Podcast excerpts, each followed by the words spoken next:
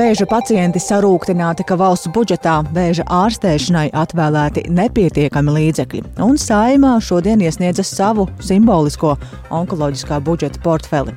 Radījumā pusdiena situāciju pētīsim plašāk. Eiropas parlamentā šodien uzņem Ukrainas prezidentu Zelenski. Vai viņam izdosies pārliecināt Eiropu pātrināt ieroču piegādes Ukrainai un savas valsts ceļu uz Eiropas Savienību? Sazināsimies ar Briseli. Bet Turcijā traģiskās zemestrīces skartajās vietās trūkst nepieciešamāko lietu. Arī Latvija atsaukusies aicinājumiem palīdzēt. Tās lietas, kas ir nepieciešamas, tā ir humanā palīdzība, tās ir gan jaunas segas, elektriskie sildītāji un citas dienas apstākļiem nepieciešamās lietas. Arī par to jau pēc brīža raidījumā pusdiena.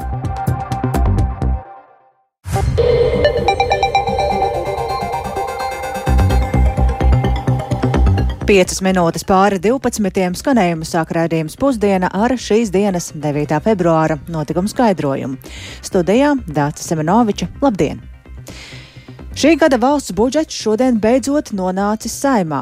Jau no paša rīta finanšu ministrs Arvils Ašerādens no jaunās vienotības uz saimu nesa tradicionālo budžeta portfeli. Turklāt šogad valsts galvenais finanšu dokuments atkal nests vēsturiskajā ādas portfelī, nevis koka, ko pirms pusotra gada mēģināja ieviest toreizējais finanšu ministrs Jānis Reirs, kurš tagad ir saimas budžeta komisijas vadītājs. Runājot par budžeta tālāko gaitu, tad eh, pirmdien to nodos vērtēšanai komisijās, savukārt parlamentā pirmais lasījums paredzēts nākamajā piekdienā, un valdība to ir nodēvējusi par ekonomiskās transformācijas budžetu. Un, kā jau esam iepriekš vēstījuši, tad budžeta izdevumi ir paredzēti gandrīz 14,7 miljārdi eiro, savukārt ieņēmumi 12,7 miljārdi. Un svarīgākās prioritātes - valsts drošība, izglītība, enerģētika, konkurētspēja un dzīves kvalitāte, kā arī cilvēku un sabiedrības veselība. Vairāk nekā trešdaļa no kopējiem izdevumiem ir paredzēti sociālajai aizsardzībai. Politiķi ir arī solījuši, ka šoreiz nebūs tā saukto deputātu kvotu, proti tā nauda, ko deputāti varēja iepriekš sadalīt pēc saviem ieskatiem dažādu lokālu mērogu projekta īstenošanai.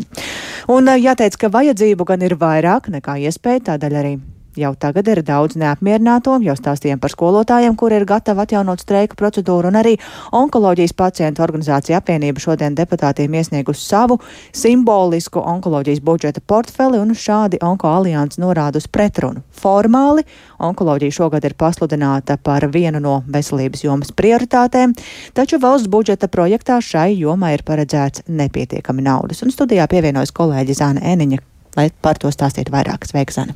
Sveiki!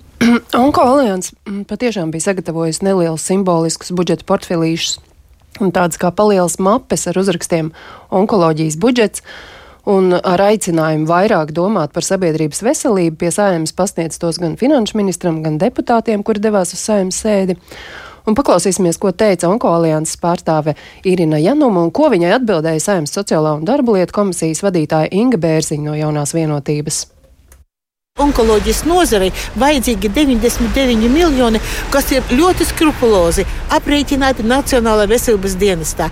Un 22. gadā tas ir ierakstīts Nacionālajā mūsu onkoloģijas attīstības plānā. Plāno 22. līdz 24. gadam. Vairāk mēs neko neprasām, tikai pildīt plānu. Jo iepriekšējais pirmais onkoplāns nebija pildīts netuvu. Mēs ceram, ka otrais tomēr tiks pildīts arī no valsts puses. Nu, sākums ir, man šķiet. Nu, skatīsimies, Kur ko varam sākums darīt. Nu, tie šogad papildus 30 miljoni, kas ir ielikti pie esošā.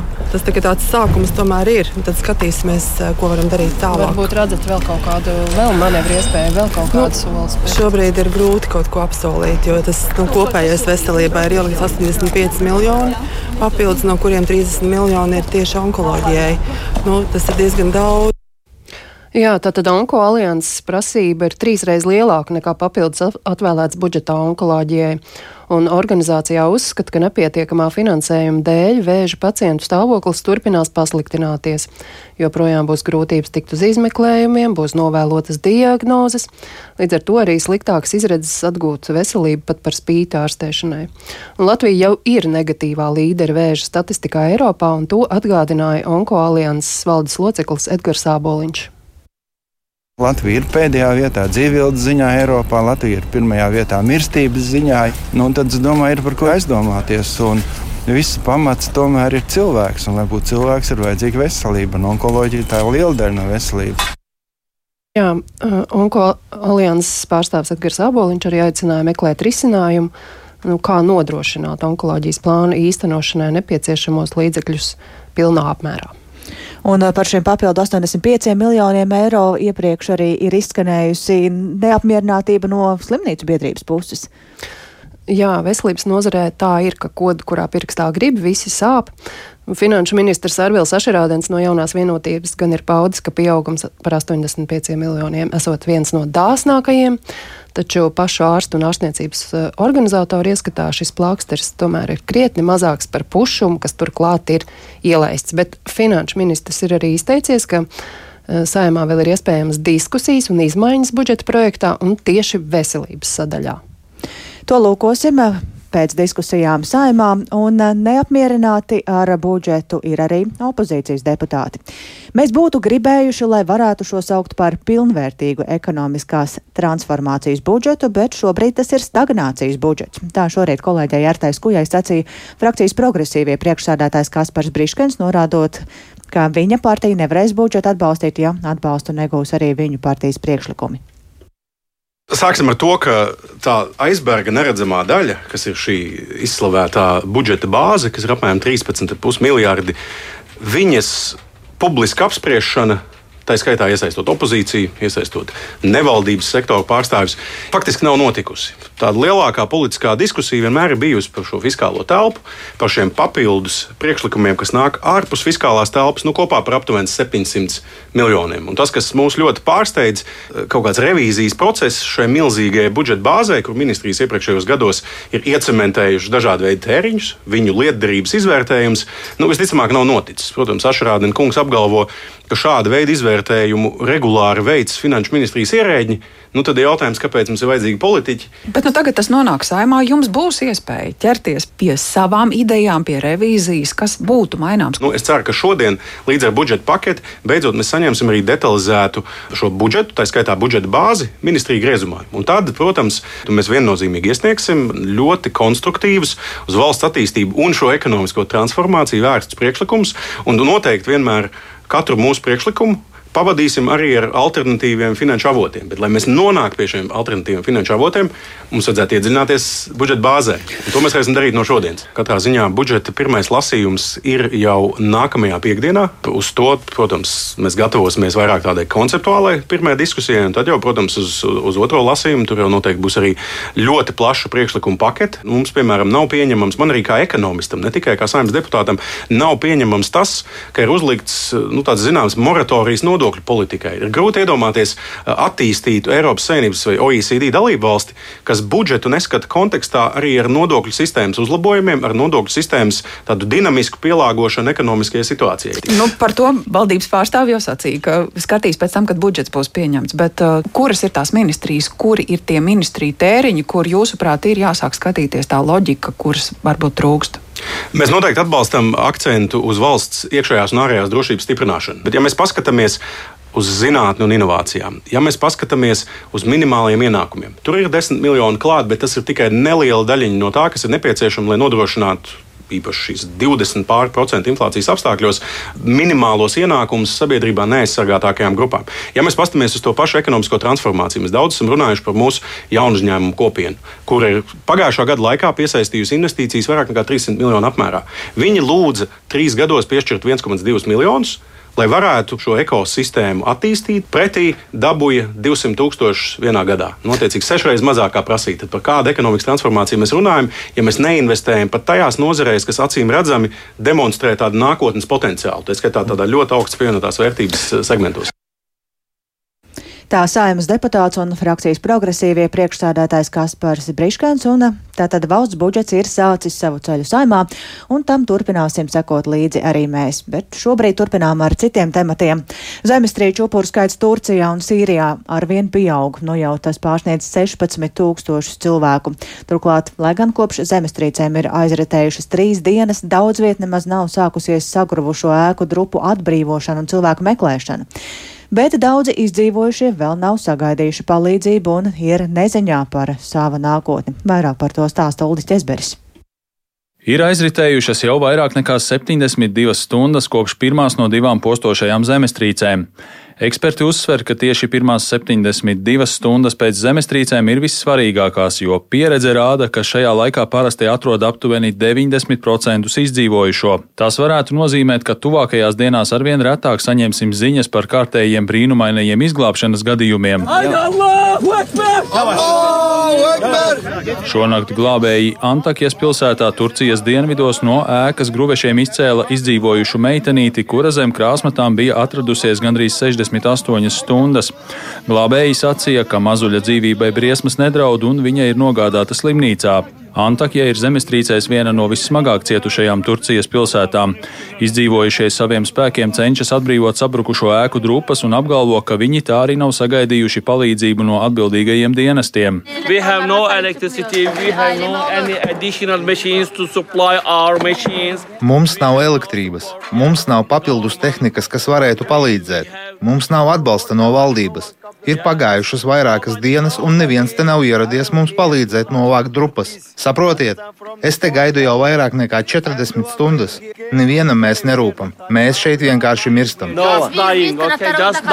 Antakijas iedzīvotāji sūdzas, ka viņiem nav pieejams tīrs dzeramais ūdens un pārtika. Izmisušie cilvēki ielauzās slēgtā lielveikalā, lai mēģinātu atrast kaut ko ēdamu, taču bija arī tādi, kuri izmantoja situāciju, lai no veikala iznestu televizorus. Pēc zemestrīcēm smaga situācija ir arī Sīrijas ziemeļrietumos, kur jau gandrīz 12 gadu turpinās karš. Netālu no Alepo pilsētas ir izveidoti masu apbedījumi, kuros apglabā zemestrīcēs bojā gājušos. Palīdzības piegādes katastrofas skartajiem rajoniem Sīrijā ir apgrūtinātas, jo līdz šim bija tikai viens sauszemes koridors, pa kuru no Turcijas varēja piegādāt visu nepieciešamo, lai palīdzētu izdzīvojušajiem, kuri ir palikuši bez pajumtes, stāsta organizācijas ārsti bez robežām pārstāvis Šervans Kasems. Uh, They, they... Kolēģi no ANO bēgļu aģentūras pastāstīja, ka viņiem ir izdevies atrast vēl divus paralēlus ceļus, pa kuriem piegādāt palīdzību. Tāpēc mēs sagaidām, ka tuvākajās stundās vai dienās varēs piegādāt vairāk palīdzības.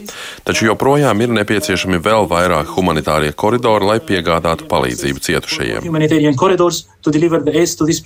Kāsēms piebilda, ka nopietnas problēmas ar palīdzības piegādi ir arī reģionos, kurus kontrolē Sīrijas autoritārā prezidenta Bašara el-Asada Asada režīms. Uldis Česberis, Latvijas radio. Jau Ulda Česbera stāstītajā dzirdējām, cik šim reģionam palīdzība šobrīd ir svarīga, un arī Latvija ir atsaukusies aicinājumam palīdzēt. Zemestrīcē Turcijā cietušajiem organizācija Ziedot LV sadarbībā ar Turcijas vēstniecību Latvijā un biedrību Tavi draugi ir sākuši labdarības akciju, lai par saziedoto naudu iegādātos nepieciešamākās lietas. Šobrīd kolēģi Agnija Lazdeņa atrodas biedrības Tavi draugi noliktavā, kur savukārt pieņem humanās palīdzības ziedojumus no iedzīvotājiem, un Agnija arī pievienojas telefoniski. Sveika, Agnija! Jā, labdien! Jā, pastāsti, cik daudz jau šobrīd ir saziedots un kas ir tas, kas visvairāk ir vajadzīgs?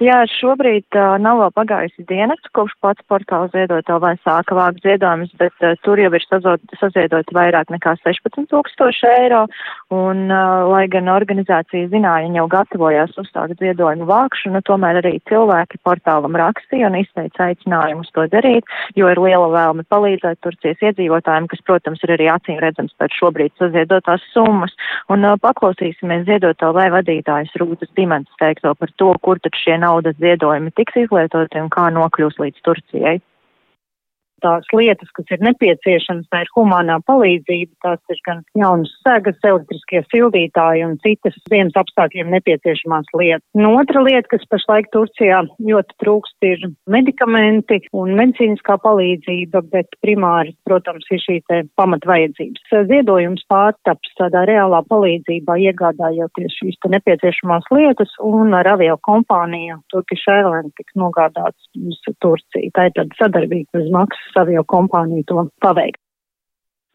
Jā, savukārt runājot par biedrību tavi draugi, tad arī viņi lūdz ziedot jaunas, uzsvarts uz, uz jaunām, jo atšķirībā no, no ziedojumiem, kas tiek sūtīti Ukrainai, tad šeit gan ir uzsvērts, ka ir jābūt jaunām un, un ziemas apstākļiem atbilstošām mantām, lai tad aizsūtot uz Turciju tas nebūtu jāšķiro papildus. Nu, tīri, lai nebūtu jātērē laiks.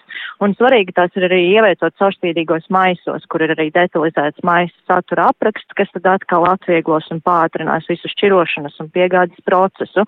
Tās lietas, kas šobrīd ir nepieciešamākās, uh, ir pieaugušo un bērnu ziemas apģērbs, kā piemēram mēteļi, jakas, džemperi vai zābaki, bikstes un, un citi apģērba gabali. Tāpat arī citas preces, kā piemēram teltis, gultas, segas, uh, sildītāji, termosi un ģeneratori.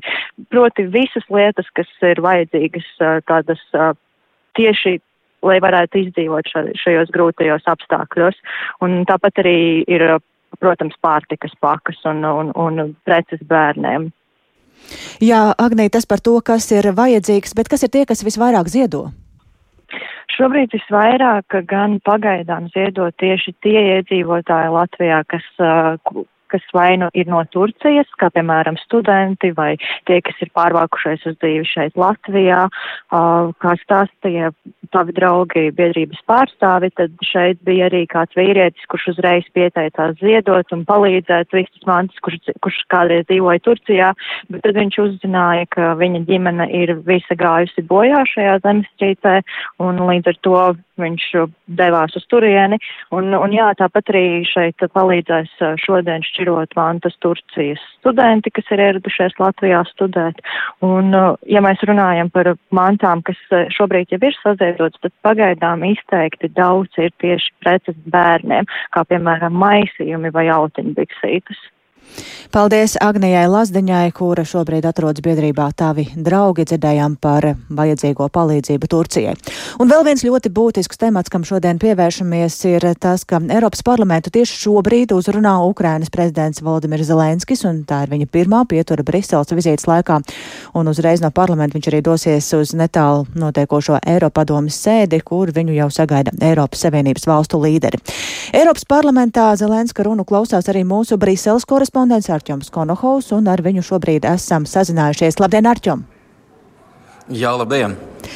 Jā, šobrīd uh, Zelenska runa uh, notiek, un atcerēsimies, ka vakardienas uzruna Lielbritānijā parlamentārā izpelnījās plašu atzinību. Kas ir tas, ko viņš šobrīd saka? Tik tiešām šobrīd runa vēl turpinās, līdz ar to, to vērtēt droši vien mēs varēsim nedaudz vēlāk citos raidījumos, bet tas, ko var pateikt, ka Ukrainas prezidents šobrīd šeit uzrunājot Eiropas parlamentu, ir runājis par Eiropas dzīvesveidu un par to, cik tas ir nozīmīgs Ukraiņiem un ka tas Ukrainas, Ukrainai ir dabīgs, tas ir Ukrainas dzīvesveids un tas ir tāds, zināms, mājupceļš no autoritārisma, kas, ko pārstāv Krievija, no diktatūras, un tā kā tas būtu drīzāk ceļš mājās pie demokrātijas, pie Eiropas vērtībām, kur cilvēkiem ir nozīme, kur daudzveidībai ir nozīme, kur cilvēki var iznākt ielās un protestēt, un viņi par to netiek sodīti, un arī par daudzām citām vērtībām, kas Eiropā ir gandrīz vai pašsaprotamas.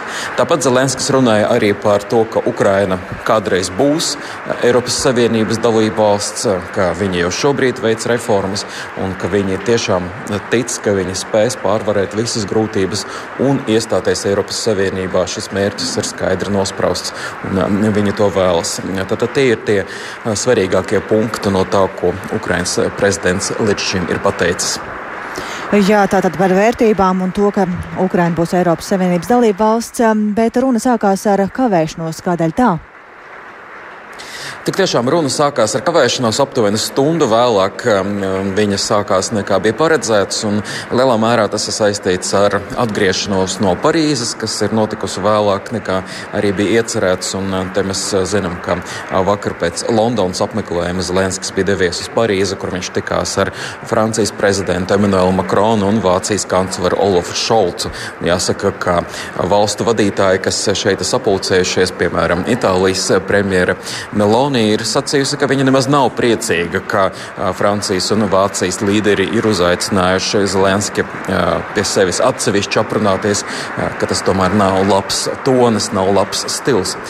Tā izsakoties, tāpēc nu, skatīsimies, kādas būs diskusijas tad, kad Zelenskis dosies uz Eiropadomas sanāksmi, kas ir sākusies tepat netālu bloku sēkā un kas tad, tur turpināsies. Un tagad runa ir tikko noslēgusies un šobrīd skan Eiropas Eiropas Savienības un Ukrainas himnas. Jā, mēs arī tev tikko fonā dzirdējām um, aplausus un uh, šobrīd himna, bet um, kā viņu runa klausījās Eiroparlamentā, kā to uztvēra, kāds ir tavs vērtējums, ko tu redzēji? Cilvēki aplaudēja vairāk kārt. Zelenskis tika sagaidīts ar stāvus aplausiem. Daudz arī Ukraiņi šeit ir sanākuši Ukraiņas diasporas pārstāvji. Viņiem tas ir ārkārtīgi būtiski, ka Zelenskis ir šeit un cilvēki ar Ukraiņas karogiem. Un, un tas tiešām ir tāds pacelājošs, iedvesmojošs brīdis. Jā, paldies Arčamam Konohovam, ka varēja mums to, šo klātbūtnes sajūtu arī radīt. Pieminējuši, ka tikko ir noslēgusies Eiroparlamentā Ukrainas prezidenta Volodimira Zelenska uzruna. Tas, ko viņš runāja, protams, par Ukrainas vērtībām un arī Ukrainu kā Eiropas Savienības dalību valsti nākotnē, bet turpinot Ukrainas tematiku, un pievēršoties tam, kā veicas Ukraiņiem pie mums, tieši šobrīd Rīgā notiek kārtējā un šogad otrā darba birža Ukrainas iedzīvotājiem, un par to sarunāsimies ar Rīgas atbalsta centra Ukrainas iedzīvotājiem vadītāju Pēteri Grūbi. Sveicināti! Labdien! 15 darba biržas jau ir notikušas, vai tās joprojām ir aktuālas un cik liela aktivitāte ir tieši šodien? Uh, jā, ir aktuāls teiksim, tā no abām pusēm, gan no darbdevēja puses, gan no, gan no darba meklētāja puses, un, un, un tieši tāpēc rīkojam vēl un vēl. Uh, ja godīgi, tad mums jau ir skaidrs jau uzņēmums saraksts jau uz nākamo darba biežu, kas būs mums 3. martā. Tā kā, nu, pieprasījums ir, un kamēr viņš ir, mēs, mēs noteikti darbosimies. Un arī šodien ir diezgan labs apmeklējums, nu, vēl gan ir pirmās 25 minūtes, bet, nu, redzam, kad, kad, kad krasta krituma nav un cilvēki nāk un, un meklē darbu tās uh, uzdevuma saraksts nākamajām reizēm, tas domāts tādā ziņā, ka ir kaut kādas profesijas, kas ir ļoti pieprasītas, uh, vai, vai tas ir tīri kaut kādas citas lietas? Nu, principā mēs, uh, mēs cenšamies atlasīt uz katru biržu tā, lai tas spektrs būtu maksimāli plašs. Mēs, teiksim, neņemam ļoti vienveidīgus nu, uzņēmumu piedāvājumus. Mēs, mēs tomēr cenšamies, lai, lai, lai būtu tas darba piedāvājums plašākam spektram.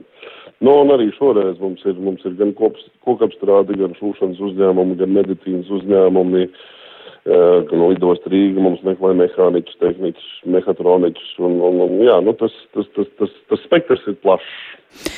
Vai nemazinās to pašu uzņēmēju interesi piedalīties šādās biržās?